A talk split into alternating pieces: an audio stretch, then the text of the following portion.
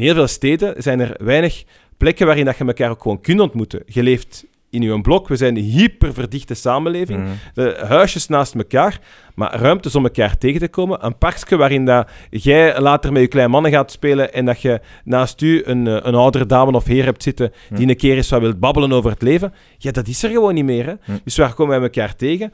In eh, op voorhand afge- afgesproken eh, plekken, Ja. eh, die dan ook voor ons worden voorzien. Ehm, en en, en, en, en that's it. En, als, en je komt daar ook niemand anders tegen dan je eigen groep. Ja. Ehm, en, en, en daar ligt een van de, van de vele problemen. Dus je hebt vooral ook heel veel ontmoetingsplekken nodig. En plekken waar dat mensen tot rust kunnen komen. Solidariteit. Zo belangrijk. We moeten daar actie voor ondernemen. Te goede persoonlijke reflecties om jezelf altijd in vraag te stellen. Maar nu, nu gaan we er echt voor gaan, dus here we go.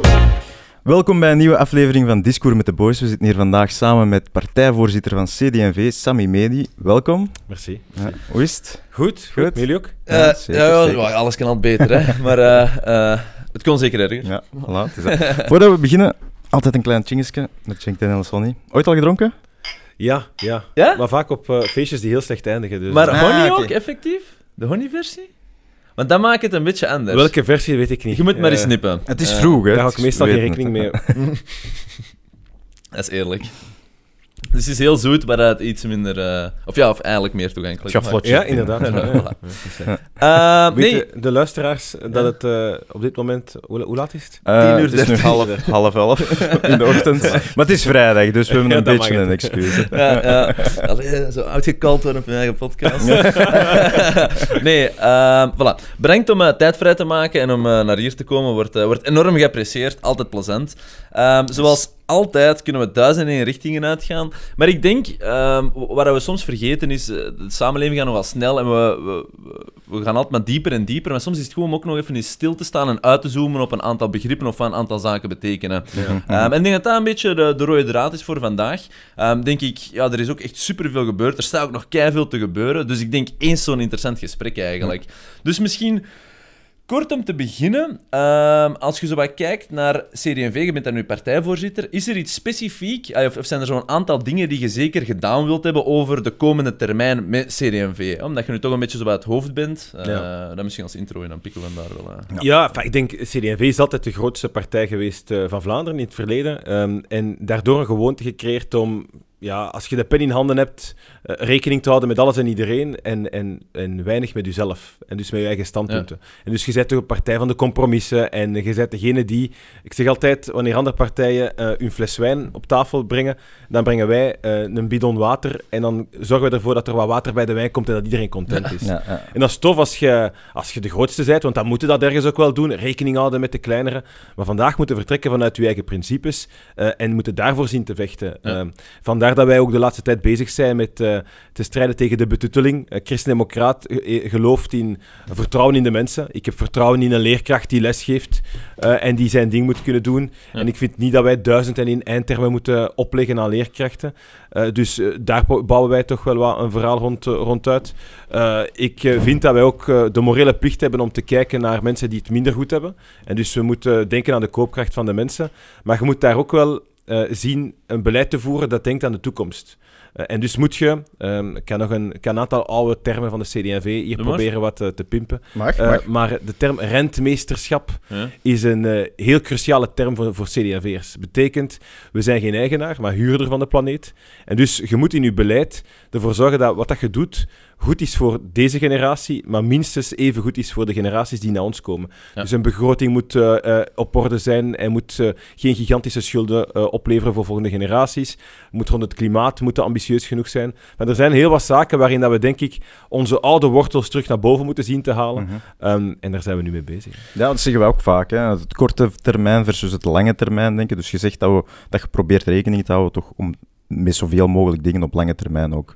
Ja, Ja. ik denk dat dat echt wel eh, iets is wat dat in ons land eh, het grote probleem is. We Ja. zijn heel vaak bezig met de korte termijn en met dingetjes op te lossen waarvan Ja. dat we weten, het staat op de voorpagina van het laatste nieuws. We gaan dat nu snel eh, een keer eens fixen. Ehm, ook al gaat dat problemen creëren naar de toekomst toe. Maar dan hebben we morgen weer een leuk artikel en dan gaat alles weer goed.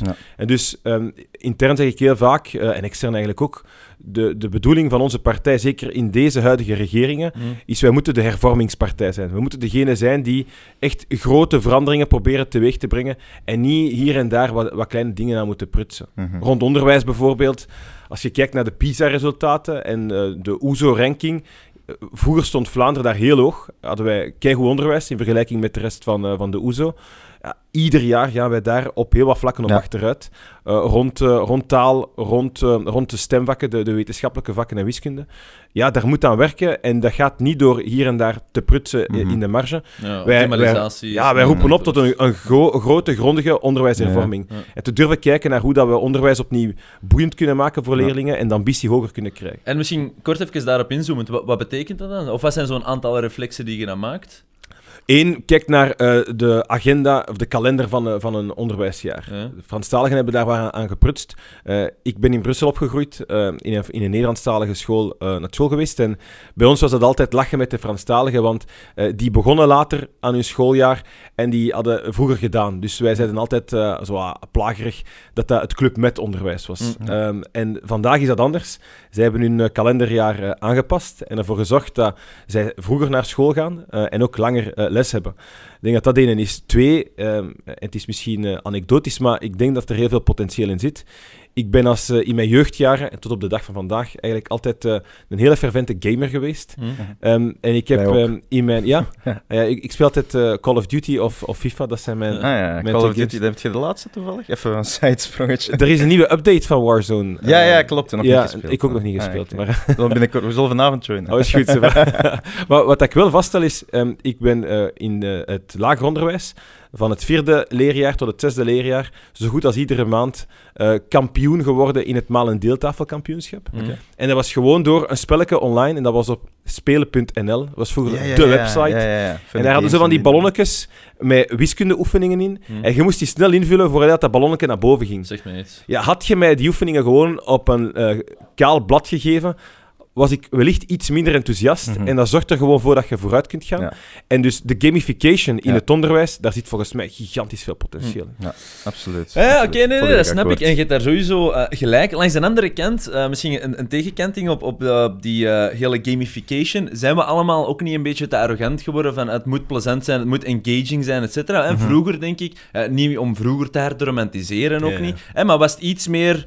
eh, los het op, doe het, punt. En ik bedoel, zie maar dat je het kunt en zie maar dat je het zelf leuk vindt, et cetera. Hè, want eh, anders gaan we misschien ook iets te veel in een bepampering. Ah, Als het niet leuk genoeg Ja. is, ja, normaal dat mijn resultaten niet goed zijn. Mhm. Dus hoe kijk je... Maar niet zozeer naar maar naar cultureel, van hoe, hoe houd je dat straatje ook een beetje in de ogen? Oh, of... Maar helemaal juist. Hè. Allee, eh, eh, ik vind het, het gamification aspect is gewoon omdat ik een gamer ben. Maar nee, maar je dat is mij- belangrijk. Pas op, ik volg. Hè. Als je mij vraagt naar het onderwijs toe en gewoon naar de samenleving, Ja. dan denk ik effectief dat we veel te vaak eh, bepamperen en proberen mensen eh, extreem gelukkig te maken, wat heel vaak leidt Mhm. tot, tot, tot een ongelukkige samenleving. Hè. Ja. En dus, eh, wat mij betreft, het onderwijs eh, zou voor een stuk ook moeten kunnen terugkeren naar het onderwijs van vroeger, waar je één ook respect hebt voor de leerkracht. Ik vind respect voor oudere mensen in de samenleving, dat dat alsmaar problematischer wordt. Wij kijken naar mensen die 70 plus zijn als ja, pff, degene die, ja, die bijna gaan sterven. Hè, en die zitten zo nog wel een beetje in de weg. En als het kan, dan steken we ze in een woonzorgcentrum. En zolang dat we ze maar niet zien, Hm. eh, maar we hebben er niks meer aan. En ik denk dat het tegendeel waar is. Dus ik denk dat we effectief moeten kijken naar respect ook voor, eh, voor oversten, voor, voor leerkrachten. En een onderwijs dat ook wel kijkt naar, naar kennen en niet enkel naar kunnen. En dus het is leuk dat je op je gsm kunt zien waar dat Zuid-Afrika ligt. Maar ik zou graag hebben dat je dat ook ergens een beetje als parate Ja, para- kennis ja, ja. hebt. Ja, dat is een groot gevaar. Hè. En misschien als ik de wetenschappelijke tour op mag gaan, maar Ja. als het gaat over bepampering, eh, Ja, er zijn eh, heel leuke onderzoeken gedaan. Eh, Jonathan Haidt is eh, een, een socioloog en filosoof die een hele goede boek heeft geschreven over de bepampering van de Amerikaanse samenleving. Oké. Ehm, en hij verwijst naar een wetenschappelijk onderzoek waarin dat, eh, kinderen op heel jonge leeftijd, als, als peuter, eh, dat er eh, mogelijk een notenallergie was. Ja. Ehm, en er was een, een, een kleuterschool waarin dat er een kindje eh, gestorven was eh, om, omwille van het, het stikken in een nootje en een allergische reactie. Dus wat heeft men in Amerika gedaan? In, een- in die staat gezegd, je mocht nergens meer noten geven aan kinderen, want dat heeft daarvoor een probleem gezorgd. Eh, en dus hebben ze onderzoek gedaan naar hoe reageren kinderen op het feit dat, mochten ze mogelijk een allergische reactie kunnen opwekken, je gewoon noten verbiedt. Ehm, en dan hebben ze twee doelgroepen genomen. Dus de ene Ja. groep hebben ze gezegd, geen noten meer. De andere hebben ze gezegd, oké, je krijgt misschien wat reacties, maar blijf gewoon noten eten. Ehm, en in de groep die eh, gestopt is met noten te eten, heeft meer dan 90% een notenallergie ontwikkeld. Ja. In de groep die noten is blijven eten, heeft bijna niemand een notenallergie Ja. ontwikkeld. Ja, Maar een klein je- beetje uitdaging constant en doe groeien op verschillende niveaus. absoluut. En dat is een Tuurlijk, voorbeeld absoluut. Zelfs in het ondernemerschap, wij, wij falen, wij mogen dat niet doen. Hè. Eh, we zijn in een samenleving waarin, wanneer, dat je, wanneer dat je iets niet kunt of iets niet meteen lukt, of, of, dat, of dat je faalt met, een eerste onderneming die, die uit de grond stamt, ja, dat je denkt, voilà, dat is, eh, dat is, ik, ik ben de loser, ik kan het niet, Hm. en ik zal maar best iets anders gaan doen. En daar moeten we denk ik wat meer voor een stuk die Amerikaanse cultuur hebben, Ja, ja. waarin dat je wel uitgedaagd wordt, waar dat er iets minder ook wel bepampering is vanuit de overheid, Ja. en dat we mensen ruimte geven om, om hun ding te doen. Hè. Absoluut. Ja, nee, nee, zeker. zeker. Dat, kan ik, eh, dat kan ik wel volgen. En misschien ook ehm, eh, een ander vraagje dan op, eh, op, op, CD&V. En dat interesseert mezelf, omdat ik waarschijnlijk zelf wel een aantal stereotypen heb. Dus het is altijd plezant om die uit de, uit de weg te helpen. Ehm, en voor mij, hè, CD&V is inderdaad wel zo'n soort van heel katholieke partij vroeger.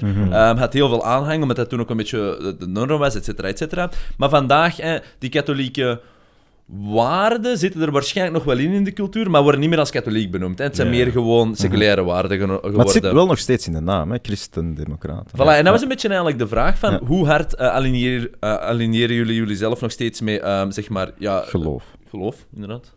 Eh, met de katholieke kerk niet. Dus we Ja. zijn geen confessionele Mhm. partij. Nee, nee, nee. nee. Eh, Ehm, dat- maar dat er ruimte moet zijn voor mensen om een spirituele belevenis te hebben in het leven, Hm. eh, dat is natuurlijk wel iets wat dat wij eh, op zich belangrijk vinden. Eh, of dat je nu moslim bent, eh, katholiek, jood, eh, of ook gewoon eh, eh, zoekende of ongelovig, maar wel ruimte wilt hebben om rust te vinden en wat dieper na te denken Ja. over het leven dan de rat race samenleving waar dat we Mhm. nu in zitten. Dat is wel iets wat dat we belangrijk vinden.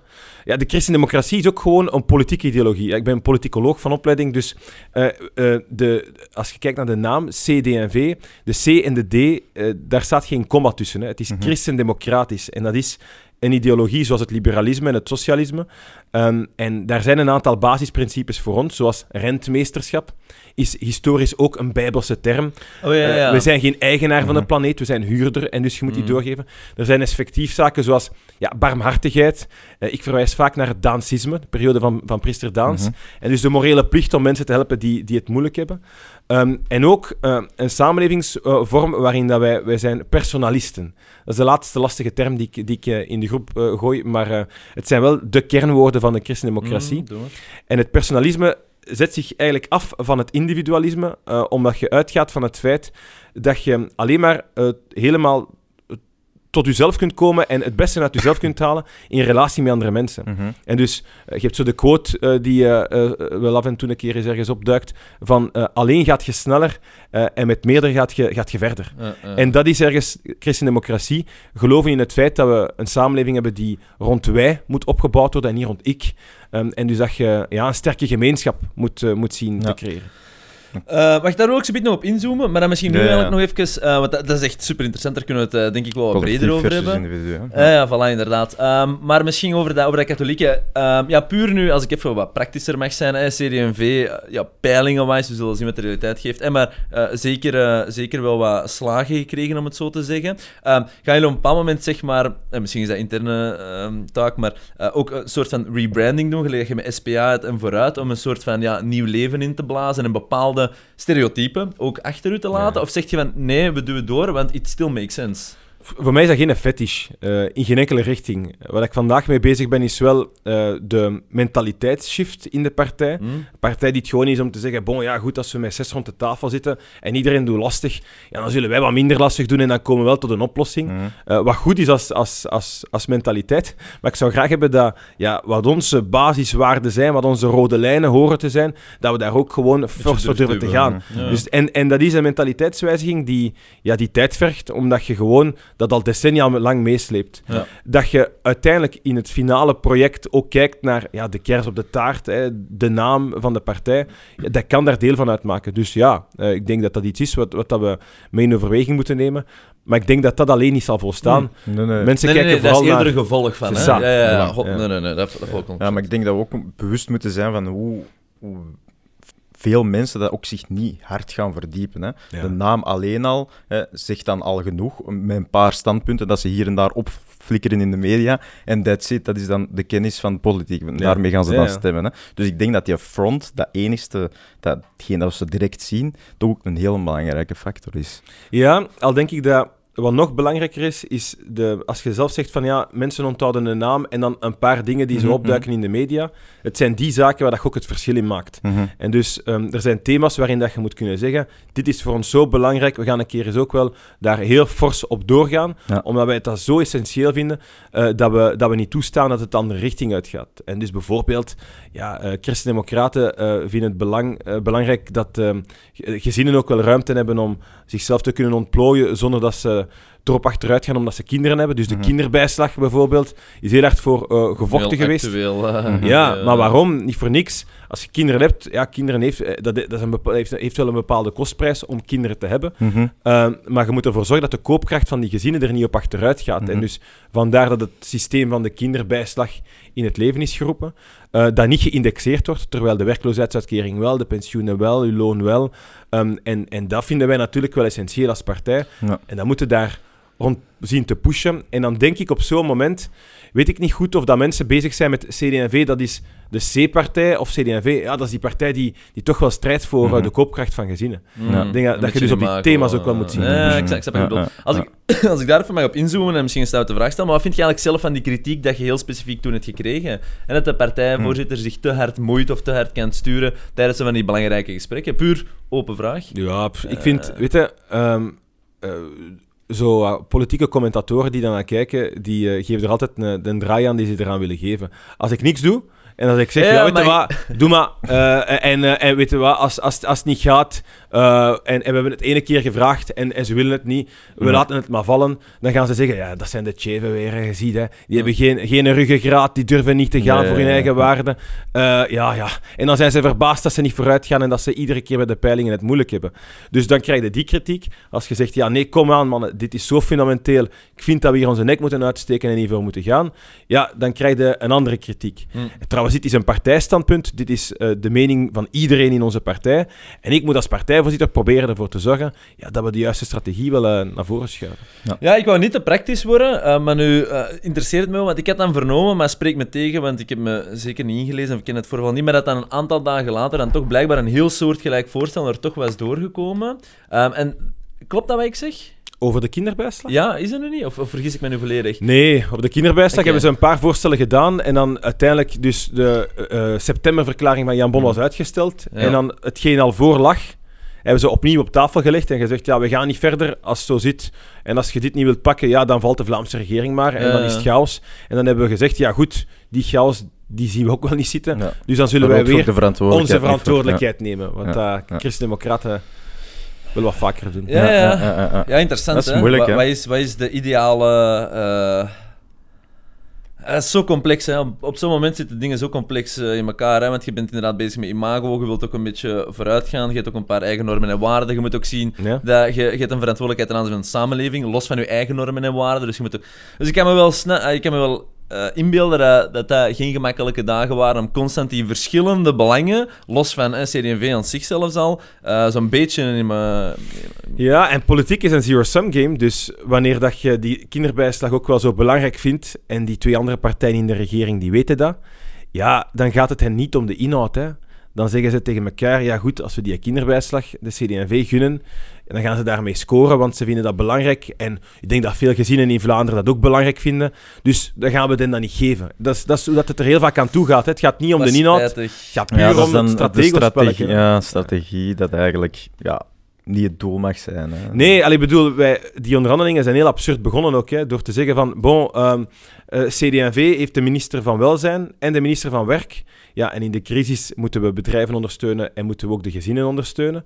Eh, ja, maar ja, dat zijn twee CD&V-ministers, dus er mag niet te veel geld gaan naar die departementen, Ja. want die zijn allebei van CD&V. Ja. Dus er wordt gewoon gekeken naar eh, welke partij heeft welk postje en niet waar hebben we geld nodig los van wie dat er daar minister Ja, van is. Wat is het beste van Super Vlaanderen? absurd is. Ja. En dus dan krijg je de minister van Onderwijs, ehm, eh, zonder eh, al te veel eh, te willen bashen op anderen, Nee, maar die zegt, ja, ehm, ik vraag ook 50 miljoen euro. En als je dan een vraag stelt, ja, waarom precies? Ja, nee, maar jij hebt net ook geld gekregen, ik wil ook geld. Ja. Maar daar is toch niet om te doen. Nee, Allee, je nee, moet, ja.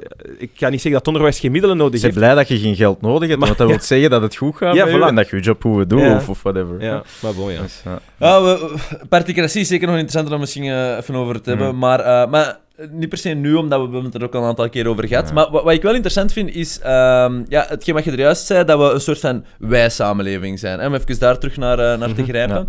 Ja. Ja, ik denk dat veel mensen akkoord kunnen zijn dat er een doorgedreven individualisme is en dat een beetje zo op zijn einde is gelopen. Hè. Dus ik denk dat dat al een beetje een, een consensus is geworden. Maar wat betekent nu de juiste balans? Hè? Wat is nu die juiste wij-samenleving? En ik denk dat dat een heel interessant is, ook met een heel praktisch voorbeeld. Ehm, ja, we zijn een soort van uiteindelijk nog steeds welvaartsstaat. Ehm, en, en wat ik heel interessant vind, hè, dus er wordt gesproken over kerntaken, dus dat kerntakendebat dat is iets wat heel hard leeft. Maar wat ook stilaan eh begint te leven is, zeg maar, moet ik het verwoorden? Ehm, ik denk dat het belangrijk is dat in een welvaartsstaat, waarin dat je probeert natuurlijk zeg maar, de mensen met pech of et cetera zo goed mogelijk te ondersteunen, maar dat natuurlijk op een bepaald moment niet de perceptie wordt dat het altijd ten koste gaat van degene die ondersteunen. Hè. Dus dat is ook een balans om te onderhouden, zeg maar. Ja. Ehm, en misschien dat als in het achterhoofd.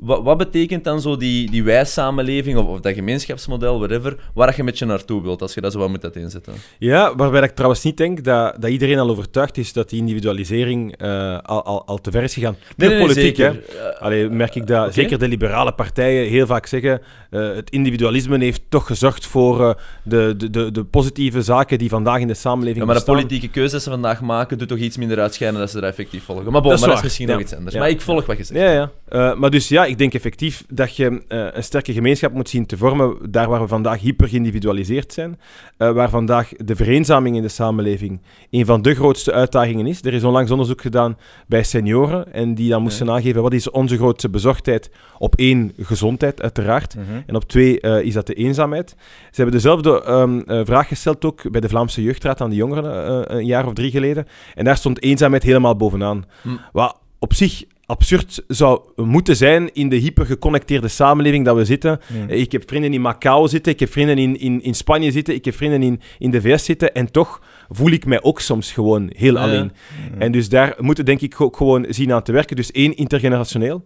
Je hebt vandaag een samenleving waarin ik denk dat we in ons woonbeleid ook onder, ook onder meer moeten gaan kijken hoe dat je mensen veel meer samenbrengt in plaats van uh, uit elkaar, Mm. uh, uit elkaar te, te, te, te, zetten of, of te laten wonen. Dus ik denk dat je daar uh, heel wat werk aan hebt um, om, om, om dat te doen. Ook kijken naar hoe dat, uh, oudere mensen ook nog een meerwaarde kunnen betekenen. Ook op de arbeidsmarkt bijvoorbeeld. Ik hoor veel ja, gepensioneerden zeggen, ik zou graag nog een, een vorming willen aanbieden bieden aan een nieuwe generatie, maar ik mag dat niet meer. Ja. Om, omdat Ja. dat gewoon wettelijk gezien niet mag, wat absurd is. Dus ik denk op dat vlak. Twee, het samenleven tussen mensen in een hyperdiverse samenleving.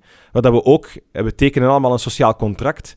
Um, uh, en we moeten ergens wel bepaalde minimumwaarden samen zien, zien te delen. Ja, de common ground. En een gemeenschappelijk verhaal hebben. En, en daar, ook al heeft uh, de Verenigde Staten daar misschien niet het beste track record op, je voelt wel dat er in de VS, er is een, uh, een algemeen toekomstverhaal. Je weet, je ondertekent samen een, een Amerikaans project.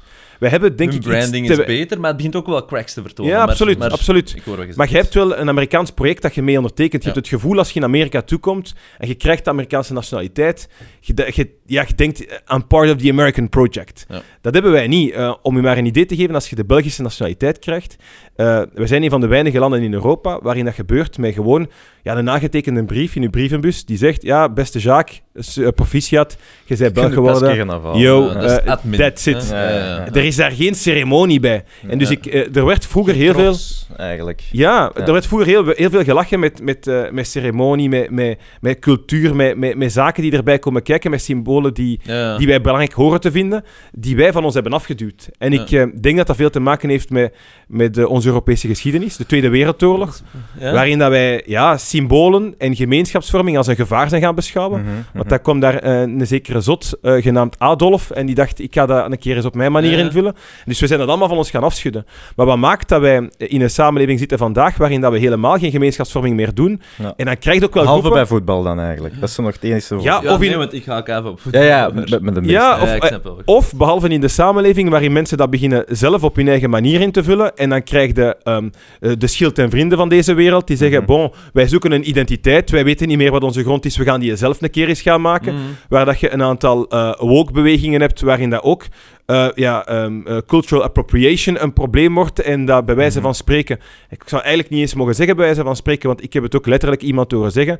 eh, een, een, een, een, Belg of een Afrikaan die eh, pizza's zou maken of een pizzeria opent, ook aan cultural appropriation doet, want dat is niet van hem. Je kunt alles in zo ja. extreem Ja, trekken dat je ziet dat de bepaalde concepten... ver. Allee, ik heb Ja, ooit ja. in een, in een cultuurhuis, en, en niet een van de kleinste cultuurhuizen van dit land, eh, een, een gesprek meegemaakt waarin dat het ging over housemuziek. hm.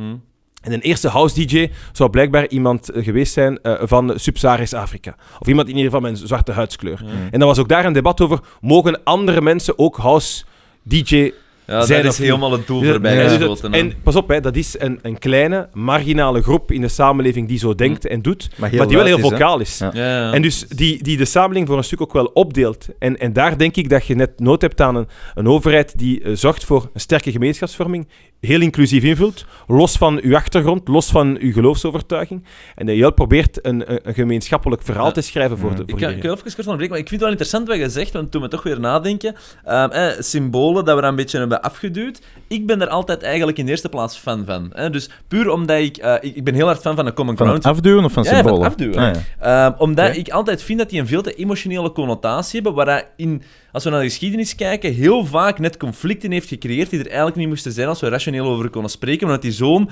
emotionele symboliek hebben gekregen, hè, dan, dan, ga dan bevindt zich dat op het ja, irrationele plane van denken, om het zo te zeggen. hè. Dus daar zit een, een bepaald gevaar in, ook gewoon om ja, moeilijk met elkaar te kunnen spreken. Er, zie bijvoorbeeld het hoofddoekdebat. Eh, eh, dat is exact hetzelfde. Hè? Dat, is, dat, is een, dat is een symbool dat een soort van emotionele geladenheid heeft. En daardoor is het net zo'n moeilijk gesprek.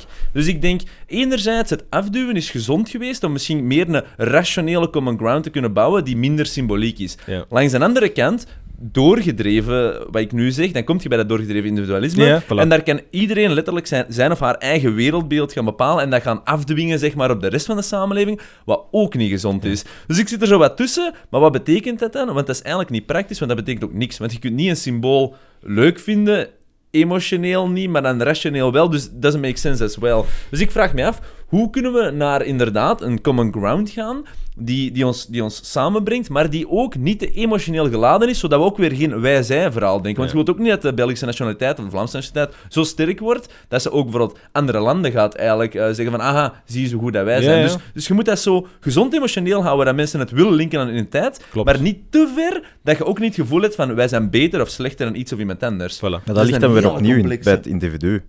Of het feit dat je rationeel of emotioneel reageert op dat symbool, ligt dan weer bij het individu. Dus dat moet eigenlijk Ja, maar... meer aangepakt En, worden. en jij hebt daarnaast, en denk ik dat is ook een van de taken van de overheid, zorg voor kritisch burgerschap. En dus je, Mhm. moet, je moet kritische burgers leren vormen. Ehm, in bepaalde landen heb je effectief patriotisme dat overgaat in een soort van eh, eh, waanbeelden en illusies over Mhm. hoe machtig de staat en, en geweldig de staat is. Om over landen als Noord-Korea maar te spreken. Ja, daar worden burgers niet aangemaand om kritisch te zijn. Mhm. En dus je moet altijd een vorm van kritisch burgerschap hebben. Ja. Ehm, en eh, als er op Vlaams niveau bijvoorbeeld nu gekeken wordt naar een Vlaamse kanon, Hm. Nederland heeft dat ook. Wat is onze geschiedenis?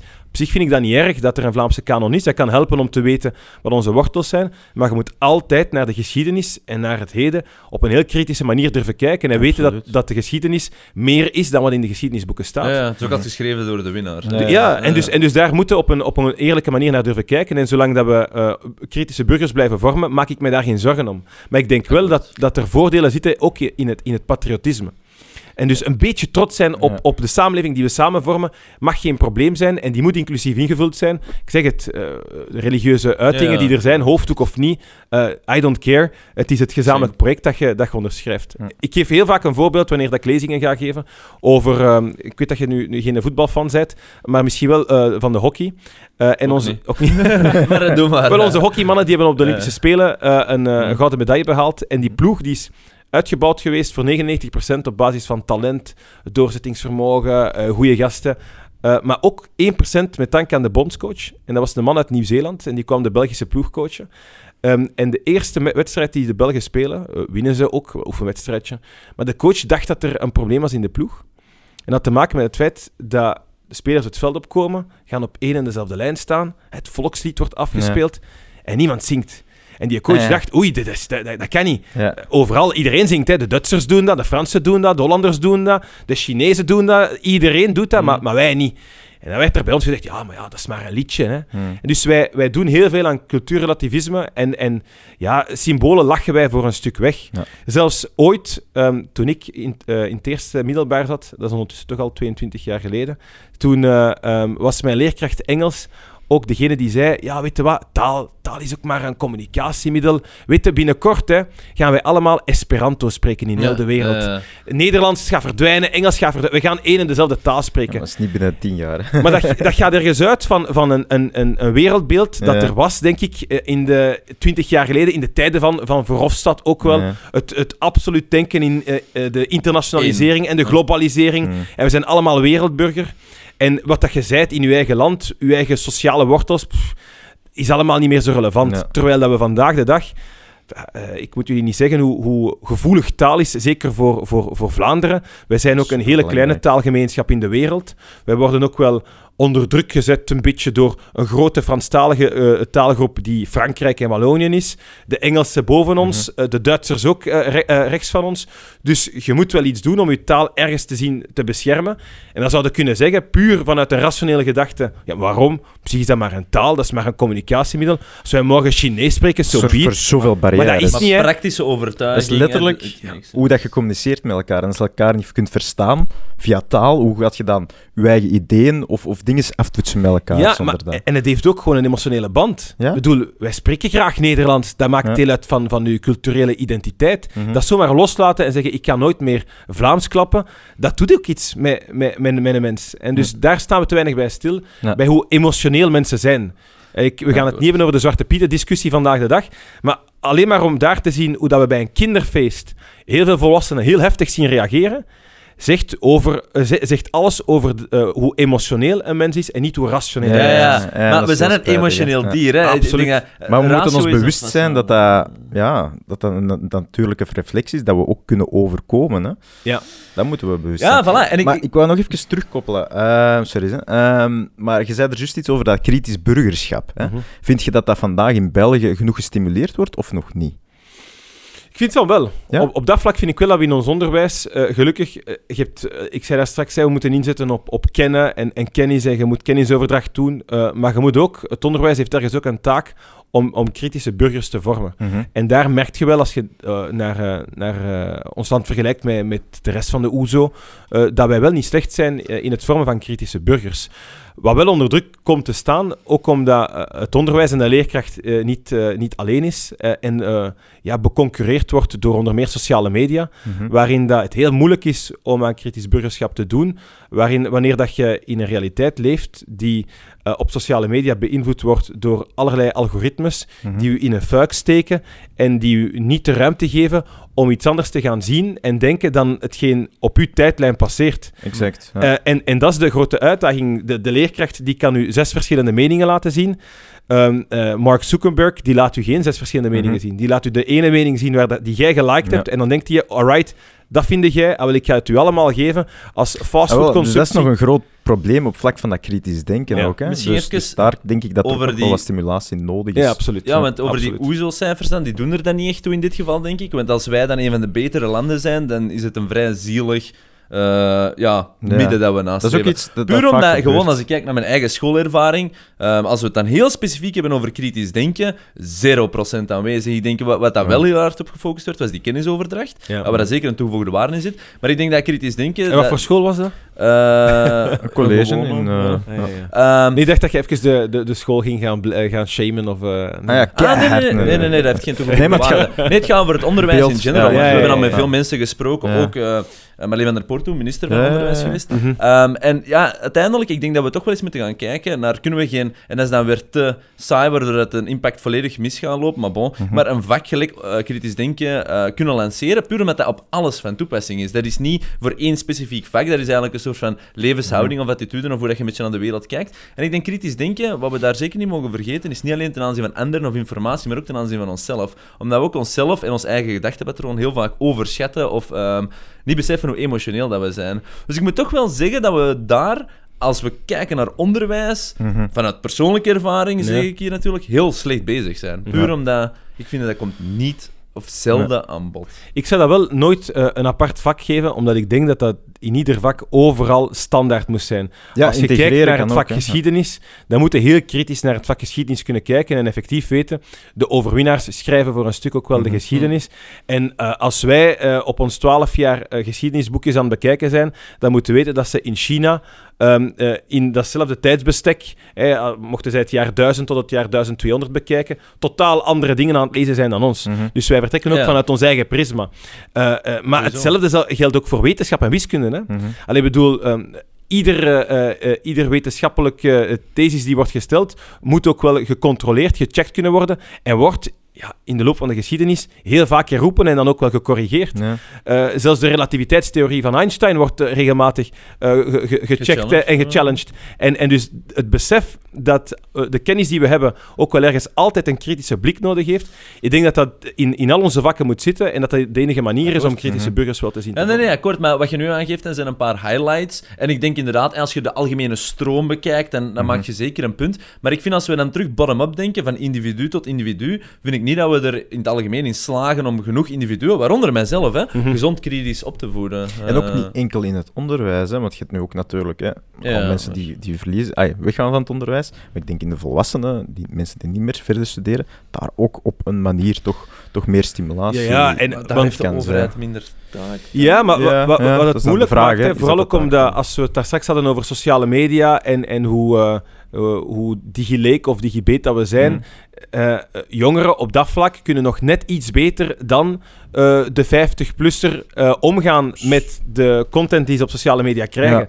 Om u maar een, een idee te geven, mijn pa zal mij regelmatig een keer eens een filmpje doorsturen of een foto doorsturen die heel duidelijk gefotoshopt is, maar waarvan dat hij denkt, ja, dat staat hier online. Ja. Ehm, ik heb dat gezien op Facebook. eh, en je ziet, het is een echte Ja. foto. Dat zal dus wel zo zijn. En aan dus, mijn pa zeggen: nee, pa, een leeuwenkop op een zebra-lichaam, dat gaat niet. Maar dus dat is wel de realiteit. Dat je, dat je ja, een, een, een ganse generatie hebt die daar nog Waar. met veel meer moeite mee omgaat. Mhm. Eh, maar, maar goed, ik maak me wel zorgen over sociale media. En zeker bij, bij jongeren. Ehm, dezelfde Jonathan Haidt, waar ik daar, daar straks naar verwees, eh, die eh, geeft ook aan dat je heel weinig moet betoetelen in een samenleving, maar dat er, als er één doelgroep is bij wie dat je nooit beschermend genoeg kunt zijn, dan wel bij jongeren. En als je kijkt, de impact die sociale media vandaag de dag heeft, zeker op eh, de 0 tot 14-jarigen, Mhm. Ehm, Het is is gigantisch. Mijn zus is leerkracht in, in, in het zesde leerjaar. Als je, je zou haar een keer eens moeten uitnodigen om te weten wat voor impact TikTok heeft op de 11, 12-jarigen Hm. eh, en het aantal depressies dat zich voordoet bij, bij kinderen van die leeftijd, zelfmoordpogingen dat zich voordoet bij die Hm. leeftijd. En je hebt zelfs curves die kijken naar depressies en zelfmoord ehm, en die dan kijken naar het gebruik van sociale media in de wereld. En je ziet dat die twee elkaar ook gewoon Ja, recht volgen. hè. ja. Dat is, dat is hallucinant om te zien en ik denk dat we daar ook wel een, een model voor moeten zien te ontwikkelen. Hm. Je moet omgaan met sociale media, je kunt sociale media niet verbieden, eh, maar eh, zeker op jonge Het leeftijd. heeft ook goede toepassingen, natuurlijk. Absoluut. Hè. Ja. absoluut. Ja, dat, dat is zo'n jonge het wordt weer al misbruikt. daar Het is weer al iets nieuws, over. eh, iets goed, fenomenaal groot ook. Dat wordt misbruikt. Hè. Dat, dat, dat gebeurt vaak. hè, Ja, maar daar, daar denk ik toch ook inderdaad, we gaan dat nooit kunnen mijden. En inderdaad, het heeft ook heel veel positieve toepassingen. Dus we gaan toch weer erin moeten slagen. Maar dat is nu een leeftijdsgroep, ja, hoeveel bewustzijn zit daarachter? Dus helaas ga ik waarschijnlijk iets meer moeten volgen dan, dan ik wil, maar bon. Ehm, maar, eh, maar inderdaad, van een bepaalde leeftijd, hè, dan eerder naar het, eh laten we het een secundair-achtig niveau noemen, dan wordt het toch wel terug belangrijk om het, om, eh, ja, het individu zelf aan te leren, om daarmee te leren omgaan. Absoluut, Want als je daar inderdaad te beschermend wordt, dan komt er toch een soort van anti-reactie op een ander niveau en dan... Helemaal juist. Wat, wat de overheid daar wel als taak heeft, is ten aanzien van degene die ehm, eh, die platforms beheren. Alleen een Elon Musk op Twitter bijvoorbeeld, Mhm. heeft gigantisch veel macht. Hè?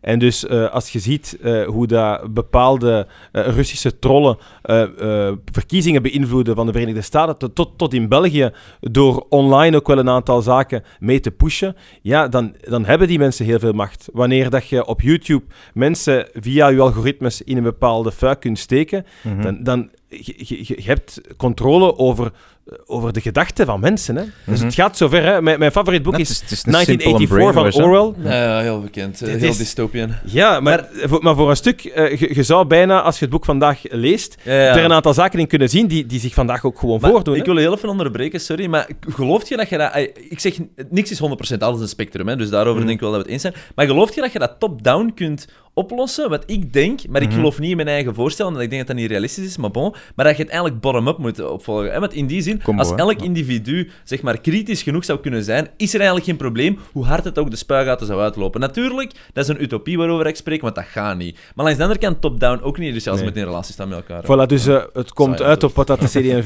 heel Het midden, het midden. Het is een en-en-verhaal. eh, ja, ja. ja. ja, maar het is ook gewoon Nee, nee, zo. maar ik weet het, ik weet daar staan wij, daar staan wij zelf Ik ben daar zelf ook Wij- fan van. Hè. we zeggen ook altijd-. Het midden is het antwoord. Hè. We weten allemaal niks, maar samen weten net iets meer. Ja, hè. ja. Dat is gewoon En ook als je kijkt naar, naar onderzoek trouwens van eh, hoe eh, de mensen denken, er wordt vaak gezegd, ja, mensen zijn radicaler geworden. eh, Mhm. de, de, het tegendeel is waar. Hè? Als je kijkt naar onderzoek naar hoe, mensen, hoe links of rechts mensen zijn, daaruit blijkt dat de optelsom van hun ideeën eh, van de gemiddelde Vlaming eh, pal in het centrum zit. Eh, maar mensen stemmen ook voor een stuk in een bepaalde richting, omdat ze rond één thema zeggen en daar verwacht ik iets meer rond het Ja. klimaat of daar verwacht ik iets meer rond veiligheid. Ja. En dus is het vaak een stem die mensen uitbrengen om een signaal te geven Ja. aan misschien wel de partijen die eigenlijk het meest bij aansluiten, om meer de ene of de andere richting uit te Hmm. gaan. Ja, iedereen zal zijn eigen thema's waarschijnlijk ook ordenen, hè, van 1 tot, tot 5. En dan 1, oké, wie sluit daar het beste wel aan bij de partij, stemt daarop. Maar ja, dat is, dat is niet het optimale systeem. hè. Nee. Het is, ja. Ehm, Maar ja, dat veranderen is eh, helemaal... ja, ja, we het daar. Ehm, misschien eh, toch teruggaan, ah, of, of verder ingaan zeg maar, op het, eh, het, het ehm, eh, wij-ik-verhaal. Mhm. Ehm, als je dat een beetje bekijkt, wat dat ook een heel ehm, ja, interessant iets is, is van wanneer moeten we gelijkheid hebben? Eh, niet even gelijke kansen, dus even gelijkheid. En wanneer moeten we doelgroepen specifiek gaan eh, behandelen? eh, be- be- Hmm. Of niet? Ehm, en dan heel specifiek ben ik nu economisch aan het denken. Gelijk bijvoorbeeld. ehm, eh, de energietoeslag, of hoe noem het? Ik weet het niet. Eh, de, check voor eh, de energie wat goedkoper te Ah, maken. ja, ja, die 100 euro dat iedereen heeft ja. gekregen. Dus daar een heel praktisch voorbeeld, maar ook weer om de ideologie op toe te passen, niet om te diep te gaan in dat voorbeeld. Maar ik vind dat een heel interessante, want daar moet je jezelf de vraag stellen, moeten we nu iedereen gelijk gaan trekken, Mhm. waar ik vind dat je een heel goed argument voor kunt maken, of moeten we nu specifiek gaan focussen op de doelgroep die het het moeilijkst heeft, waar ik vind dat je een heel goed argument voor kunt maken. Mhm. En dan ook op twee niveaus denkend, je hebt korte termijn en lange termijn. En beide hebben hun effecten op beide aspecten, ook degene waar we nu niet direct aan denken. Ja. Ehm, dus hoe kijkt je bijvoorbeeld zoiets als praktisch voorbeeld, of je mocht een andere, iets Ja, ja. meer actueel ding gebruiken, maar hoe, hoe probeert je daar zo die, Ja. die gelijkheid, of dan heel specifiek te gaan, in balans te houden? Want ik vind dat zelf zo moeilijk, want soms denk ik, ik ga heel specifiek, en dan denk ik, ja, maar zie nu toch dat het voor iedereen is. Ook al hè, is dat dan misschien niet het beste voordeel of zo, soms moet ook mensen terug gelijk durven trekken, om ook mensen niet te gaan onderscheiden op al die verschillende niveaus. ja. Maar eh, ik denk dat het antwoord daarop eh, eh, het progressieve karakter is van, van alle maatregelen. Ja? En dus ook in belastingen, eh, iemand die 2000 euro verdient, wordt minder belast dan iemand die 5000 euro verdient. Mocht je zeggen, nee, nee, nee, we moeten gelijk zijn, iedereen evenveel belastingen, ja, dat betekent ook gewoon dat de kloof tussen arm en rijk Ja. alleen maar eh, toeneemt en dat op termijn de, de, de man of vrouw die 5000 euro verdient, eh gans de straat eh, kan kopen, eh, om, omdat hij voldoende kapitaal heeft en dat, dat degene die, die eh, het moeilijk heeft ook gewoon helemaal geen kapitaal meer over heeft Mhm. om iets mee te doen. Dus, Ja. dus je hebt altijd een progressief karakter nodig in de maatregelen die je neemt. Ehm, en dus de sociale tarieven waarover dat je spreekt, eh, voor, eh, voor de, degene, de, de twee laagste decielen, de, de mensen die het moeilijkst hebben in de samenleving, ja, die zijn noodzakelijk, omdat je die mensen extra moet zien te ondersteunen. Eh, maar je mocht ook geen eh, systeem hebben dat enkel gefocust is daarop. Als je dat doet, eh, ja, ze zeggen vaak, ehm, if you eh, have a, a system for the poor, you have a poor system. En dus een systeem dat enkel bedoeld is om, om daarop te focussen en de rest loslaat, Mhm. die gaat de rest op termijn ook verliezen. Ja. Dus heel de discussie over de kinderbijslag eh, valt daar ook onder. Ja. Wa- wa- wat moeten we doen? Moeten we die enkel voorzien voor degenen die het, eh, het, het allermoeilijkst hebben, of ook voor de, de brede middenklasse? Mhm. En, is, en dat is een discussie tussen Wat is uw antwoord? universaliteit en selectiviteit.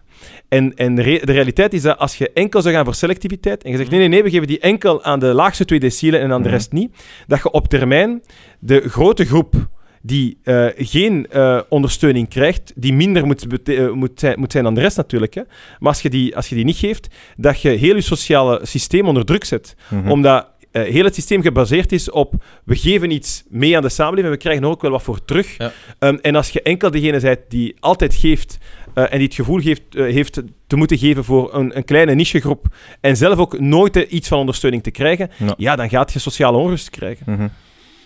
Ja, Ja, sowieso, Dat is een ja. realistische analyse. Maar ja, hoe, hoe pas je dat toe? Ik vind inderdaad, misschien dat we meer maatregelen ook onder dat progressiever systeem moeten steken of zo. Want ik denk dat daar inderdaad wel soms misschien wat, wat minder is. Maar ja, ik ben aan het nadenken hè, van... Want, want ik voel daar inderdaad wel zelf een beweging. Ik weet niet van waar dat per se dat gevoel komt of zo. Hè. Maar dat je inderdaad wel... Als je te lang te selectief blijft gaan... En het maakt niet uit op welk niveau. Hè. Nu we het over economie, maar er zijn zoveel Ja, ja. niveaus Mhm. om dat te doen. Ehm, ja, moet je zien inderdaad, stel dat er tien selectieve maatregelen worden genomen en je valt er tien keer buiten, dat is fijn, maar inderdaad, als het te lang is, en wanneer, wanneer does it make sense dan? Ja, dus ik vind dat wel een, ik vind dat wel een complexe vraag, maar ik vind ook wel, eh, denk ik, eh, moedig of zo aan, aan de, de, de nieuwe keuzes die daar nu onder gaan vallen, om inderdaad die goede balans te kunnen maken van, kijk, nu moeten we gewoon de hoogste nood oplossen, klaar. Ja. En nu moeten we toch inderdaad terugzien dat we wat breed denken en inderdaad vanuit... eh, we zijn allemaal burgers, dus soortgelijke eh, principes daar Nee, toepassen. helemaal juist. ja, geen gemakkelijke beweging, denk ik. Misschien, eh, misschien een, een, een ander vraagje. Ehm, is er zelf zoiets, en je mag zeker eh, open zijn, nou, ik weet natuurlijk wel dat je op een podcast zit en dat je wel een aantal belangen hebt te verdedigen, daar niet van, maar waar dat je zelf zo ehm, nog mee zit te struggle, dat je niet gewoon een antwoord of een richting weet, omdat je dat een ideologie, er zijn misschien een aantal praktische uitdagingen, en soms moet je gewoon toegeven, ah, beide kanten hebben wel zo wat... Is er zoiets? Ha, eh, de moeilijke ene waar ik soms wel mee Ja. struggle is, ehm, eh, en die was eh, onlangs in de actualiteit, vandaar dat het misschien eh, in mij opkomt, Ja. maar hoe dat omgaat met bijvoorbeeld ook wel eh, de hoofddoek eh, op school. Ja. Eh, daar waar ik denk, voor een leerkracht, als, Ja, ja, als, als een leerkracht een hoofddoek draagt, eh, is, dat, is dat zo problematisch? Persoonlijk vind ik van niet. Ik vind het belangrijk dat iemand lesgeeft ehm, ehm, en, en de keuze van Ja. hoe dat iemand eh, na- naar school komt als leerkracht is iets anders. Voor leerlingen kijk ik daar anders naar. Ik, ik, ik vind persoonlijk dat, dat leerlingen tot een zekere leeftijd, minstens 16, maar als je het mij vraagt, zelfs tot 18, eh, eh, ook niet eh, religieuze tekens zouden moeten dragen, de welke dan ook. Ehm, Ah. Omdat ehm, de school ergens ook een, een, een, een thuisomgeving moet zijn, waarin dat je comfortabel samen met, met, met de rest van, van je klas ehm, eh, een leven kunt uitbouwen waar dat religieuze tekens, denk ik op dat moment ook niet, en zeker niet op die leeftijd, op zijn plaats zijn. Maar wat, wat wringt ergens met Snap ik. de kijk die zeker eh, conservatieve, eh, ideologische conservatieven dan, en, en christendemocraten in theorie horen te hebben. Namelijk, ja, eh, iedere gemeenschap, ook een religieuze gemeenschap, heeft het recht om zichzelf te organiseren. Het is niet aan de staat om te gaan bepalen Mhm. wie zich hoe moet eh, gedragen Ja, en wie wat moet doen. Dus als ouders vandaag zeggen, mijn kinderen dragen dat, ja, dan moet de staat zich daar niet te veel in bemoeien. Dus Mhm. puur filosofisch ben, ja, ben ik niet in overeenstemming met mijn eigen ideologie, maar ik voel aan, en dat is misschien ook wel door de Brusselse context waarin dat ik ben opgegroeid, eh, dat, je, dat je in scholen eh, ja, geconfronteerd wordt met, met sociale druk. Dat er, dat er zeker in, eh, in Brussel, want over, de, over Vlaanderen kan ik daar moeilijker over spreken, in scholen, maar dat, de- die, ja, die heel duidelijk aanwezig is. Ehm, en dus waar dat je denk ik ook wel jongeren moet zien te beschermen voor, voor die Ja, context. ja, ja, dat is wel interessant. Ja, ik vind dat zelf ook een heel moeilijk debat, omdat... ehm ah, op zich, die hoofddoek zelf... pff, Dat, is niet zo complex, maar gewoon Nee. als je dat extrapoleert naar een aantal andere toepassingen. En dan voelt je, oké, Ja. want als we X doen, dan moeten we ook Y, Z en zo, Ja, ga maar zo door. Dus je moet inderdaad zien dat je een regel hebt die eigenlijk... Een, of, of een, eh, een oplossing die ook een aantal andere testcases kan doorstaan. En dat is zo de complexiteit daarmee. Want stel nu eens aan morgen zeggen van inderdaad, het is eh, oké allemaal. Ja, dan weet je dat het niet lang gaat duren voordat de spuigaten uitloopt met andere religieuze zaken die dan te hard gaan geduwd worden. Ja, ja. En, dan, en dat is zo het gevaar. Ja. Ehm, en dat vind ik ook de moeilijkheid. Omdat ik, ik vind inderdaad, ik zal waarschijnlijk dan zo ook wel in uw camp zitten van, ja, er zijn heel goede argumenten voor, maar er zijn ook heel goede argumenten tegen. Maar het gaat eigenlijk nooit om de maar vandaar, dat het, ja, maar vandaar dat het standpunt van onze partij daarin Mhm. is.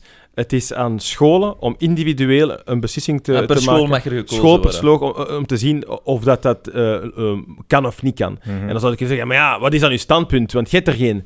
Eh, ja, jawel, ik denk dat... Jawel, nee, nee, nee. Er is de ruimte Ja, om, om, om dat te kunnen doen, maar in iedere school heb je een andere context, zodat je rekening mee moet houden om te zien dat dat al dan niet de juiste Maar er zit ook wel een gevaar in, want zo gaat je wel een centralisatie van misschien bepaalde groepen creëren binnen bepaalde scholen, Ja. en dan heb je Ja. weer een soort van... Ah, dat Ja. is ook...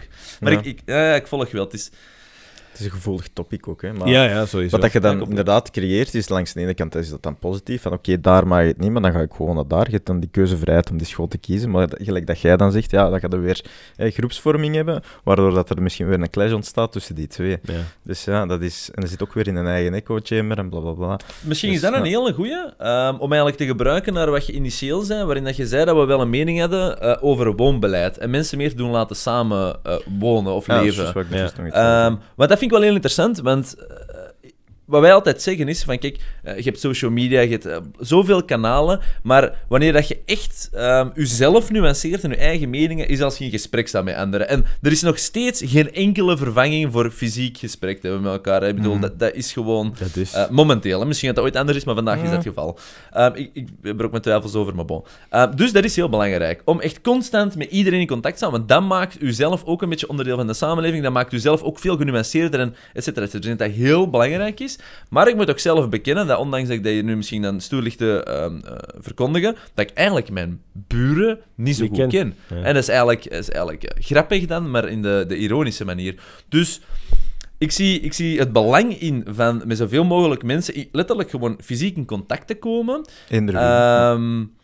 Maar ja, ik moet zelf zeggen dat, ik- dat ik er ook niet zo goed op zit, maar dat maakt nu niet echt uit. Dus ik was gewoon geïnteresseerd van wat bedoelt je dan als je gezegd van we kijken naar woonbeleid en mensen meer te laten samenleven. Want ik vind dat heel interessant, want we Ja. moeten meer is samenleven. dat dan terug. echt onder een vorm van co-housing, dat je zegt? Ja, Of- daar, onder meer. Hè, Ja. Ook kangerowoningen, kijken naar hoe dat je in woonzorgcentra ook misschien nog wel eh, een, een diversiteit hebt van, eh, van, van je publiek. Mhm. Vandaag heb je enkel een bepaald publiek, eh, meestal eh, boven de 80, die eh, ook in een heel slechte toestand zijn en die dan wat medische hulp nodig hebben.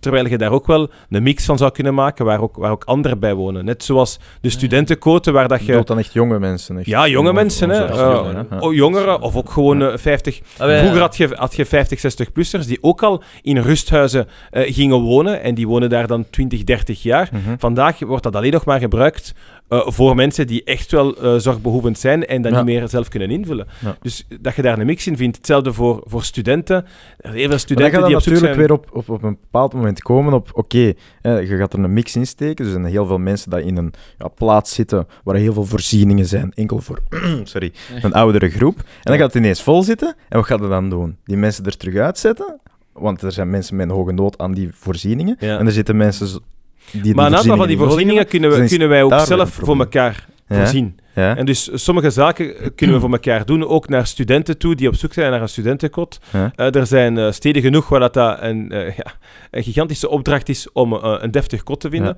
Ja. en je hebt daarnaast ook een aantal mensen bij wie dat de kinderen uit huis zijn, Mhm. die nog wel een paar kamers over hebben, of die ook al van een bepaalde leeftijd zijn en die Ja. denken, het zou tof zijn, mocht jij na, na, na ja. uw, uw les even naar de Carrefour gaan, want eh, die eh, flessen spa naar boven sleuren, dat lukt mij niet. Ja, ja. En omgekeerd, als je eten nodig hebt en je bent wat brak na een feestje, ja, dan zal ik wel ervoor zorgen dat je terug, terug oké bent. Ja. Allee, ik denk dat je daarnaar moet kijken. Het gaat ook verder dan het woonbeleid. Het gaat ook gewoon over pure ruimtelijke ordening.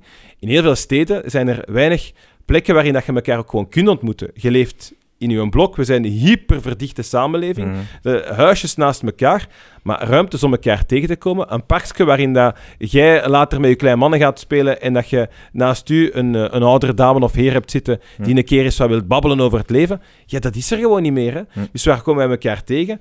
In eh, op voorhand afge- afgesproken eh, plekken, Ja. eh, die dan ook voor ons worden voorzien. Ehm, en en, en, en, en that's it. En, als, je- en je komt daar ook niemand anders tegen dan je eigen groep. Ja. Ehm, en, en, en daar ligt een van de, van de vele problemen. Dus je hebt vooral ook heel veel ontmoetingsplekken nodig. En plekken waar dat mensen tot rust kunnen komen. Hm. En dus ik, eh, ik weet in Brussel waren we daar ook bezig met ehm, eh, het eh, organiseren van een aantal rustplekken in de stad. Ehm, want zeker in een stedelijke context, ik ben ook in Brussel opgegroeid, ik woon vandaag in Vilvoorde. In Vilvoorde valt dat nog wat mee, maar je hebt, je hebt heel weinig ja, ontmoetingsplaatsen. Ik heb het geluk dat ik met mijn hond eh, regelmatig naar een, een losloopweide ga. Ja. Ja, ik Daar kom, gebeurt dat nog wel, hè? ja, en ik kom daar zelfs schoon, oudere hè. mensen tegen die geen hond hebben, hè, maar die weten, that's the place to be. Ja, ja. Daar wordt er nog wat gebabbeld. Eh, en dan is, daar is daar een bankje. En, en iedereen weet, we laten- laten de honden los. En er wordt wel wat gesproken met elkaar. Ja, eigenlijk zouden we dat meer genoeg, moeten hè, doen dan als- enkel op een losloopweide. Hè. Ja, ja, dat zegt genoeg als mensen al zonder hond naar een hondenweide moeten gaan om een gesprek te kunnen Ja. aangaan. Dat zijn al tekenen dat er inderdaad eh, wel nood aan is. Ja. Ja, absoluut. absoluut. Oké. Maar ik denk, ey, plekken zijn er uiteindelijk genoeg. Hè. We hebben cafés, we hebben restaurants, we hebben parken, dingen. zijn- Maar ik denk vooral ook ja, de aanzet om mensen daar inderdaad te krijgen. Ik denk dat nog een belangrijke is. Ja, en op lokaal niveau betekent dat buurtfeesten Ja. mee faciliteren. Hè. Niet altijd georganiseerd door de stad, Ja. die zelf zegt, hier gaan we nu een keer eens eh, eh, Reggie een feestje laten komen draaien, maar ook gewoon soms ja, straatfeesten. Of iets doorlopend, hè? Ja, moet Ja, niet per se een evenement zijn, het moet niet per se een DJ of iets een ding En- zijn. En, je zou verschieten van, ja. mocht je hier in de straat een keer eens wat flyeren en zeggen, wij willen binnen een maand een keer eens met iedereen samenkomen hier op straat. Mhm. Hoeveel volk dat erop afkomt. Hè? Ja. Maar je hebt er een paar nodig. Je hebt twee, drie zotten nodig die zeggen, weet je wat, we gaan dat hier doen. Ja, een beetje. En hè. we zetten vier tafels op straat. En echt waar, je krijgt ik weet niet veel volk mee, Ja. mee op straat. Ja, ja. ehm, zijn er eigenlijk zelf zaken dat je ziet, en dat hoeft niet per se te politiek getrokken zijn, maar wel top-down samenlevingachtig, of misschien maar om die sociale cohesie terug wat, wat aan te dikken, ja, los van een, woonbeleid, en dat is zo heel beleidsmatig gericht. Maar ik bedoel, ehm, omdat dat is wel een probleem, vind ik, en op de een of andere manier denk ik wel dat we wat dichter aan elkaar komen, maar zie ik toch op veel niveaus ook de kloof terug groter worden of zo. Ehm, zijn er zelf zo dingen dat je zegt van, ja, dat willen we als CDV doen, of dat wil ik als Sammy doen, of, of dat denk ik, of weet ik het. Maar gewoon puur omdat ik... Ja, ja dat, dat is een beetje dan wat ik nu benoem van, er is veel polarisatie, en dan bedoel ik niet zozeer... eh, Ik bedoel, de wereld heeft er zeker al erger uitgezien, Ja, ja. hè. We moeten ook zien dat we niet te arrogant worden, maar toch, zelfs dan nog zeggen heel veel mensen die de oorlog, eh, oorlog mij ook hebben meegemaakt, zeggen nog steeds dat ze dat ook wel zien, die trend terug van polarisatie.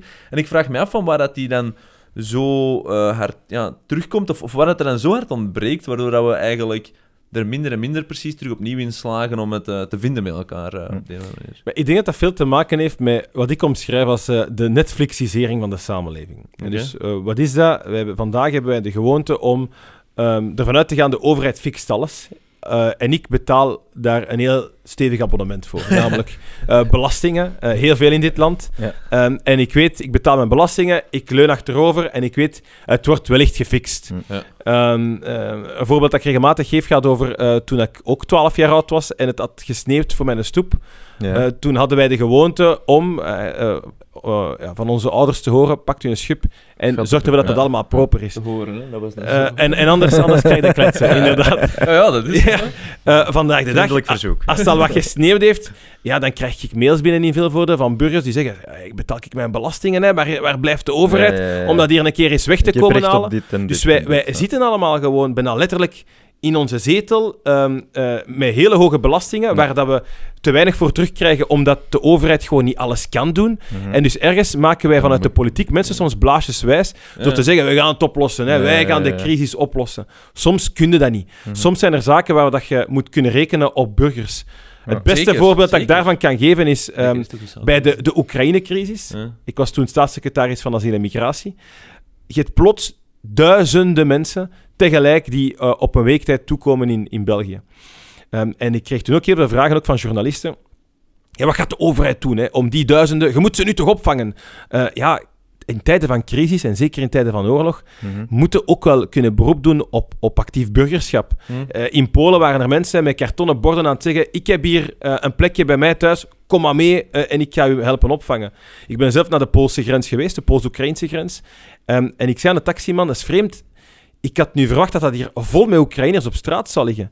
En hij zei tegen mij: Zie je die appartementsblokken daar? Mhm. In ieder appartementje eh, ligt er minstens één Oekraïner te slapen. Ehm, en dus ook wij in België hadden op het moment van de crisis die beelden. En eh, bij, bij mij op het kabinet kwamen er eh, mensen aankloppen. Letterlijk hè, gewoon aanbellen voor de deur en die zeiden, ja, we zijn op zoek naar Oekraïners om te kunnen opvangen, want we hebben gehoord dat ze te weinig plek hebben. Ja. Dus wat hebben wij dan gedaan? Een actie georganiseerd, hashtag plekvrij, en de vraag gesteld aan burgers, als je iets hebt en je wilt helpen, laat het ons weten en we kunnen dat samen goed organiseren, want we gaan u nodig hebben in deze crisis. Ja. En eh, uit onderzoek blijkt uiteindelijk, want dat is eh, een maand geleden eh, gevoerd, dat 90% van de mensen die deelgenomen hebben, extreem tevreden waren over, over hun deelname. En dus mensen doen graag mee. Ja. Maar je moet hen ook wel het gevoel geven Dat, dat, mogelijk is. ja, dat mogelijk is Ja, en en dat ze deel kunnen uitmaken van oplossingen. Ja, Moet ook, hè, dat- En dat van hen verwacht wordt. Oh ja, dat een beetje... Eh, Ik denk, denk zelf ook, hè. ik ben vrij arrogant en egoïstisch eh, op, op sommige niveaus, maar ehm, zoals iedereen waarschijnlijk. Maar ik denk dat dat inderdaad wat terug gefa- eh, gefaciliteerd moet worden en dat dat ook komt doordat het ook terug nodig is in zekere Ja. mate. En dat er een soort van gezonde noodzaak is. Niet crisisnoodzaak, en dat zijn natuurlijk uitzonderlijke dingen, maar dat dat inderdaad terug een soort van... Ja, het zou moeten. En daar uiteindelijk heel dat middenveld, VZ2's en eigenlijk Ja. al die andere... En dat, dat is echt Absoluut. heel belangrijk, want dat is uiteindelijk die, dat actief burgerschap dat zich een beetje ja, ehm, professionaliseert, om het zo te zeggen. En misschien als ik even daarop mag inzoomen, tenzij dat je... Maar eh, dat vind ik wel een interessante vraag. We zijn ook zo eh, richting einde, maar nog niet volledig. Maar is... eh, kerntaken. Hè? Dus uiteindelijk, en dat komt daar ook een beetje Every terug op. again. Kerntaken, actief burgerschap, ja, ik fuck it. Ehm, en die gaan heel vaak samen. Maar het probleem is, we hebben nu al een aantal gesprekken gehad met verschillende eh, kleuren van de politiek, om het zo Ja, te stellen. En ehm, dat sociale en dat wij, we moeten mensen ondersteunen, worden altijd zo wat hetzelfde terug. Hè? Dus die kerntaken vindt bijna iedereen belangrijk, en, maar we moeten ook sociaal zijn, vindt bijna iedereen belangrijk. Maar op de een of andere manier ehm, horen we dat dan vaak en dan denken van alright, alright. Eh, Ja. Maar eigenlijk komt er dan precies de dag van vandaag weinig voor terug. Want het lijkt precies aan dat, de, dat er een groep zegt van ja, hè, kerntaken, er moet precies meer gedaan worden. En dan is er ook een groep, hè, er wordt keihard sociaal gedaan, ja, er moet minder sociaal... Dus het lijkt precies dat er zo'n soort van status quo is. En als je dat nu en dat vertaalt naar begrotingen, en dan kun je daar zeker conclusies uit trekken. Ehm, afhankelijk dan of je het Vlaams of federaal bekijkt, maar toch. Dus ik vraag mij af, is er eigenlijk een werkelijk kerntakendebat gaande? Of blijven we toch eerder heel sociaal gefocust? Of hoe moet dat verhouden? Want ik vind, als ik ehm, eh, shortcuts maak in mijn hersenen, dus waarschijnlijk lichtfoute dingen zeg, of eh, simplify tot en met, dan de afgelopen 10 of 15 jaar zou ik kunnen zeggen dat, of dat nu dat debat aan kerntaken en sociaal bezig is of niet, dat daar niet zoveel verschuiving in werkelijkheid in is. Of is dat een volledige fout? hè? Nee, dat is geen volledige fout. Ik denk dat dat klopt. Eh, de overheid... eh, je, hebt, je hebt linkse part- De unieke positie van onze partij misschien eerst, Ja. is het feit dat je, je hebt de linkse partijen die collectivistisch zijn en die geloven in een heel grote, sterke Mhm. overheid die er voor iedereen moet zijn. Ja. Ja. En je hebt rechtse partijen die heel individualistisch zijn en die geloven in een sterk individu en, en, en een, eh, een be- akkoord. beperkte overheid. Waar wij in geloven is net wat je daar straks over sprak. eh, Heel het verenigingsleven, heel het middenveld, dat is voor ons eh, ja, de gist van de samenleving. Daar wordt heel veel gedaan. En dus ik geloof ook in een, in een beperkte overheid. Ik vind dat wij veel te veel betuttelen, veel te veel regeltjes opleggen. Mhm. En het antwoord daarop is voor mij niet het individualisme, maar het actief burgerschap binnen verenigingen, binnen organisaties en mensen die daar een deel van willen uitmaken. Ja. Maar je hebt zeker gelijk dat dat debat niet gevoerd wordt. Zelfs op begrotingsvlak, ook individualistische partijen hebben het niet of te weinig over dat moeten wij als overheid niet doen, maar zeggen gewoon, ja, bon, we gaan daarin kutten en daarin kutten, want dat bespaart Mhm. ons zoveel miljoen en zoveel miljoen. Ja. En die miljoenen zijn uiteraard relevant, en Nee, zeker in een, in een land... optimalisatie-mindset Ja. versus hervorming, wat je zei, En dus ik denk dat je daar moet gaan naar grote hervormingen en ook daar een mentaliteitsshift. Mhm. Waar, en dat is de reden waarom dat ik eh, volgend jaar in maart eh, organiseren wij een congres. Ieder jaar heeft dat een ander thema en ik heb er bewust voor gekozen om het volgend jaar te hebben over gemeenschap. Dus eh, het grote gemeenschapscongres, waar dat een van de luiken zal gaan over ehm, eh, de betutteling. Ehm, en eh, waarbij wij de bedoeling hebben om schrapsessies te organiseren. En dus in alle mogelijke de departementen gaan zien waar zijn wij nu een keer eens van alles gaan doen en ons overal in gaan inmoeien als Ja. overheid. Omdat wij toen dachten, ja, dat is misschien wel handig, want Ja. er is een probleem en we zullen het maar oplossen En als dat overheid. blijft lopen. en dat dan blijft lopen. dat. Laten we nu een keer eens de klok terugdraaien of toch Ja. op zijn minst daar kritisch gaan kijken. Ja, Ja, ja, ja. Dus dat is de, de grote uitdaging waar we nu voor staan. En denk je dat dat ook effectief, ehm, moet ik het zeggen? En want dat is natuurlijk een, eh, een zo... Gaat dat ook effectief zich materialiseren, denk je? Wat meer of niet? En dan bedoel ik niet enkel CD&V, maar gewoon als eindbeslissing, want daar gaat het uiteindelijk ook Eh, over. ik hoop wel is gewoon op. Ja, ik, ik hoop dat eh, de, de stappen die wij nu aan het zetten zijn en, en het eh, congres dat we ga- gaan organiseren, dat dat ook zorgt voor een debat daarover. En dus niet enkel over de miljoenen daar en de miljoenen daar, maar ja, ik heb liberalen al tegen mij horen zeggen, ja, maar ja, je bent hier eh, gelijk een liberaal aan het spreken, jij spreekt ook over kerntaken en je, bent en je gaat schrapsessies organiseren en je wilt minder overheid. Ja, puur ideologisch, een christendemocraat gelooft ook niet in een grote overheid. Wij geloven alleen in heel sterke verenigingen en een middenveld. Ja. Ehm, maar dus, als anderen denken jaloers te zijn of dat ook willen doen, heel graag, hè.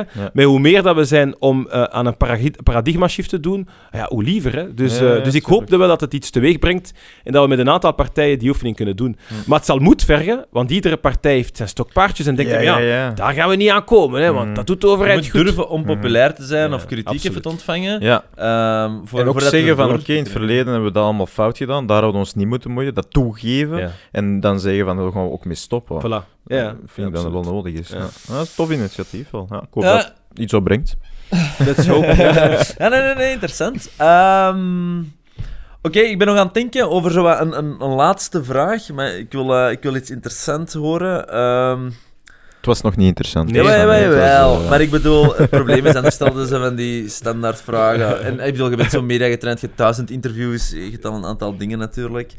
Ehm, ah, misschien, eh, misschien een persoonlijke vraag, dat is misschien een, een beetje stout, maar ehm, eh, je hebt heel vaak zo foto's in de media zo met je hond, hè? ja. Eh, is dat een specifieke eh, publiciteitsstunt of zo, om het zo te zeggen? Want voor mij neemt dat soms een beetje zo de, de sereniteit weg van letterlijk de inhoud dat je zelf hebt. Het is zo iets te uh, aaibaar, om het zo te zeggen. Ja, ja, met een hond is inderdaad iets te aaibaar. Daar kan ik weinig aan doen. Ja. Maar het is... ik heb ze altijd en overal mee. Ze, ze is nu ook hier, Ja. eh, hier buiten met, met een medewerker aan het wachten. Maar ehm, ja, ik, ik, heb, ik heb daar een heel speciale relatie mee met mijn hond. Als je, als je het verhaal wilt weten, het, het is Tuurlijk, eh, sure. ontstaan vanuit eh, eh, mijn eerste liefdesrelatie. Hm. Die eh, net op het einde van die relatie...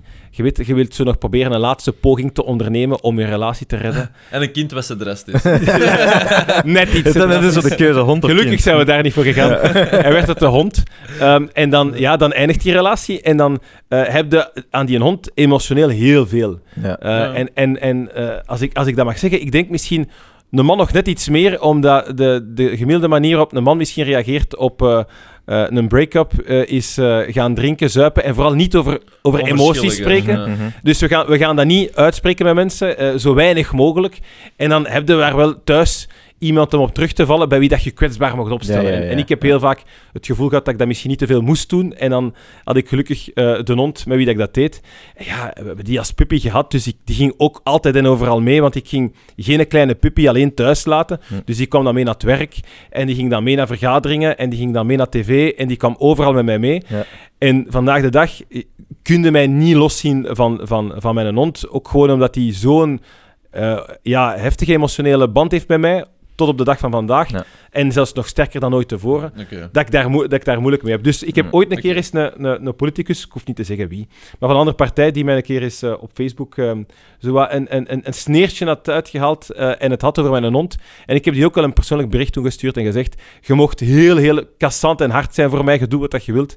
Maar die hond, dat is voor mij evenveel als dat ik over uw zoon of over uw dochter zou spreken. Dus ik wil u vragen om dat niet te doen, want Ja. je raakt daarbij iets wat dat zo emotioneel is bij mij, dat ik, eh, dat ik, eh, ja, dat, ik dat niet zal appreciëren. Zo Fair va, dan, zo dus het is, het is waar dan. Het is, De letterlijke vertaling van eh, een man's best friend eigenlijk. Ja, ja, absoluut. Ja. Ja. Oké, oké. Fair, fair antwoord. Ja, ja, Ehm, kan, ik, kan ik zeker appreciëren. Ik heb het ook met Suki.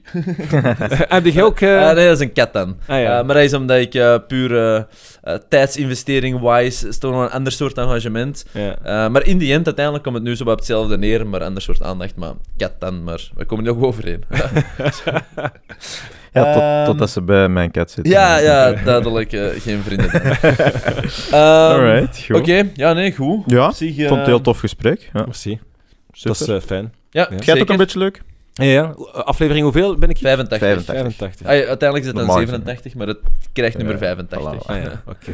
Dus, eh, Because, ja, daarom. Goed, nee. Eh, Sammy, bedankt eh, Ja. voor uw tijd, voor het gesprek. Ik vond, eh, ik vond het heel, eh, heel interessant. En Mhm. eh, ja, veel succes, want ik denk dat er echt best wel wat, eh, wat dingen op de agenda Uitdagingen staan. zijn. Ja. Ah, misschien, misschien nog wel één interessante rap voor, voor te eindigen. Eh, het is een iets persoonlijkere vraag, maar niet te persoonlijk. Ehm, maar hoe managt je zeg maar eh, al de stress en druk? En dat we in het begin ook even zeiden, van, ik denk dat er wel wat turbulente tijden zijn geweest, waarschijnlijk nog staan aan te komen. Ja, ja. En ik denk als je ja, als persoon moet je toch er altijd in slagen om Mhm. daarmee om te kunnen, zonder in een soort van overcompensatiestraatje te verdwalen. Hè. Dus heel goed. Heb je daar zelf zo, of kun je gewoon gemakkelijker met stress om? Of? Ik denk van mezelf dat ik dat kan, maar ondertussen heeft eh, de realiteit me al geleerd dat ik dat eigenlijk allemaal opkrop eh, en dat dat dan op, op de een of andere ma- manier en op een bepaald moment ook gewoon naar buiten komt. Snap ik. Dus, dus ja, eh, ik, ik, ik, ik denk dat ik vaak ook gewoon totaal niet gestresseerd en misschien zelfs een beetje nonchalant overkom. Mm. Maar de realiteit is dat dat ja, hard binnenkomt. Wat wel altijd helpt, is... eh, ik, en als ik honderd shit-reacties binnenkrijg, ook op sociale media, die ene reactie van één persoon die zegt, ah, je hebt mij daar doen nadenken over dit, Mhm. of ik vond dat niet slecht, of ik vond dat moedig, of ik vond dat... Ja, Daar kunnen een beetje aan ja vasthouden. als, ik, als ik maar... Of iemand heb van, ja, ik weet dat die zegt, ja, je hebt met die beslissing, heb je echt wel mij vooruit geholpen, dan denk ik, ja, die honderd negatieve reacties, laat ze maar komen. Als ik maar ook af en toe een keer eens iemand heb die, die tevreden is en die ik geholpen heb, Ja. ja, dan kan ik verder eh, blijven gaan. Ja, Dus, Oké, misschien dan nog één opvolgvraag, maar ik vind er Komen zelf er nog drie dus, denk- dat doen we altijd uiteindelijk. Maar, ehm, maar dat is... Ik heb er al eens een paar keer over nagedacht en ook gewoon mijn eigen effecten ook zo eens proberen te creëren. En ik vind het heel moeilijk om eh, bijvoorbeeld geen waarde te hechten aan negativiteit, zonder dat je dan ehm, eh, enkel maar aan positiviteit waarde kunt hechten. Het is precies dat je altijd beide moet nemen, of Mm. beide raken u, of beide raken u totaal niet. Los van natuurlijk rationeel iets te doen met relevante feedback, hè, daar ga ik het niet over. Dus wat, wat is een beetje hoe dat jij ermee omgaat? Jij zegt van, beide raken mij dan, hè, want, maar uiteindelijk die positieve, hè, die heb ik dan echt zeker wel nodig. Of zeg je van, ik, ik probeer toch beide onverschillig te benaderen, zodat ik niet te veel erdoor beïnvloed word. Ik probeer dat laatste, Ja, maar, de, realiteit, de realiteit is dat, het gewoon totaal niet lukt. Ja, en dat, als iemand mij zegt... eh, en pas op, zo de, de hele platte baggerreacties van eh, jij, eh, Ja. vuile bruine naap, dat, Mm. dat doet mij heel weinig. Nee, nee, nee, maar die zijn maar ook iemand die mij stuurt... Ga, beetje... ik, ik, ik had zoveel hoop in u en je hebt mij ontgoocheld of ik ben teleurgesteld. Ja. Of, dat doet echt waar. Daar ga ik Ja, mee slapen en stak ik mee op. Hè. Dat Dus dat doet heel veel pijn. Eh, maar, en ik probeer ook gewoon heel toegankelijk te zijn. Ik zeg ook altijd, als er iets is, eh, mensen mogen mij altijd op, op Instagram gewoon een privébericht sturen. En ik probeer eh, zo goed als altijd gewoon te reageren, omdat ik denk dat dat ergens mijn taak is. Mhm. En dat de platformen die ik daar straks misschien wat bekritiseerd heb, ook wel hun, hun, hun troeven hebben. Ehm, en, en je krijgt daar ook heel veel van terug. Als Mensen vragen hebben, als mensen opmerkingen hebben. Dat, ik lees dat en ik doe daar ook heel veel mee. Eh, dus eh, ehm, ik probeer er wel altijd het, het beste uit te halen. Eh, maar eh, Nee, ja, ik was gewoon eigenlijk geïnteresseerd. Eh, maar dus, oké. Ik denk jij heel, heel herkenbare antwoorden. Alright, goed. eh dat was de nogmaals, laatste. Wie weet. Maar bedankt eh, en veel succes. Yes, nog, de tijd. Bye-bye. Yo.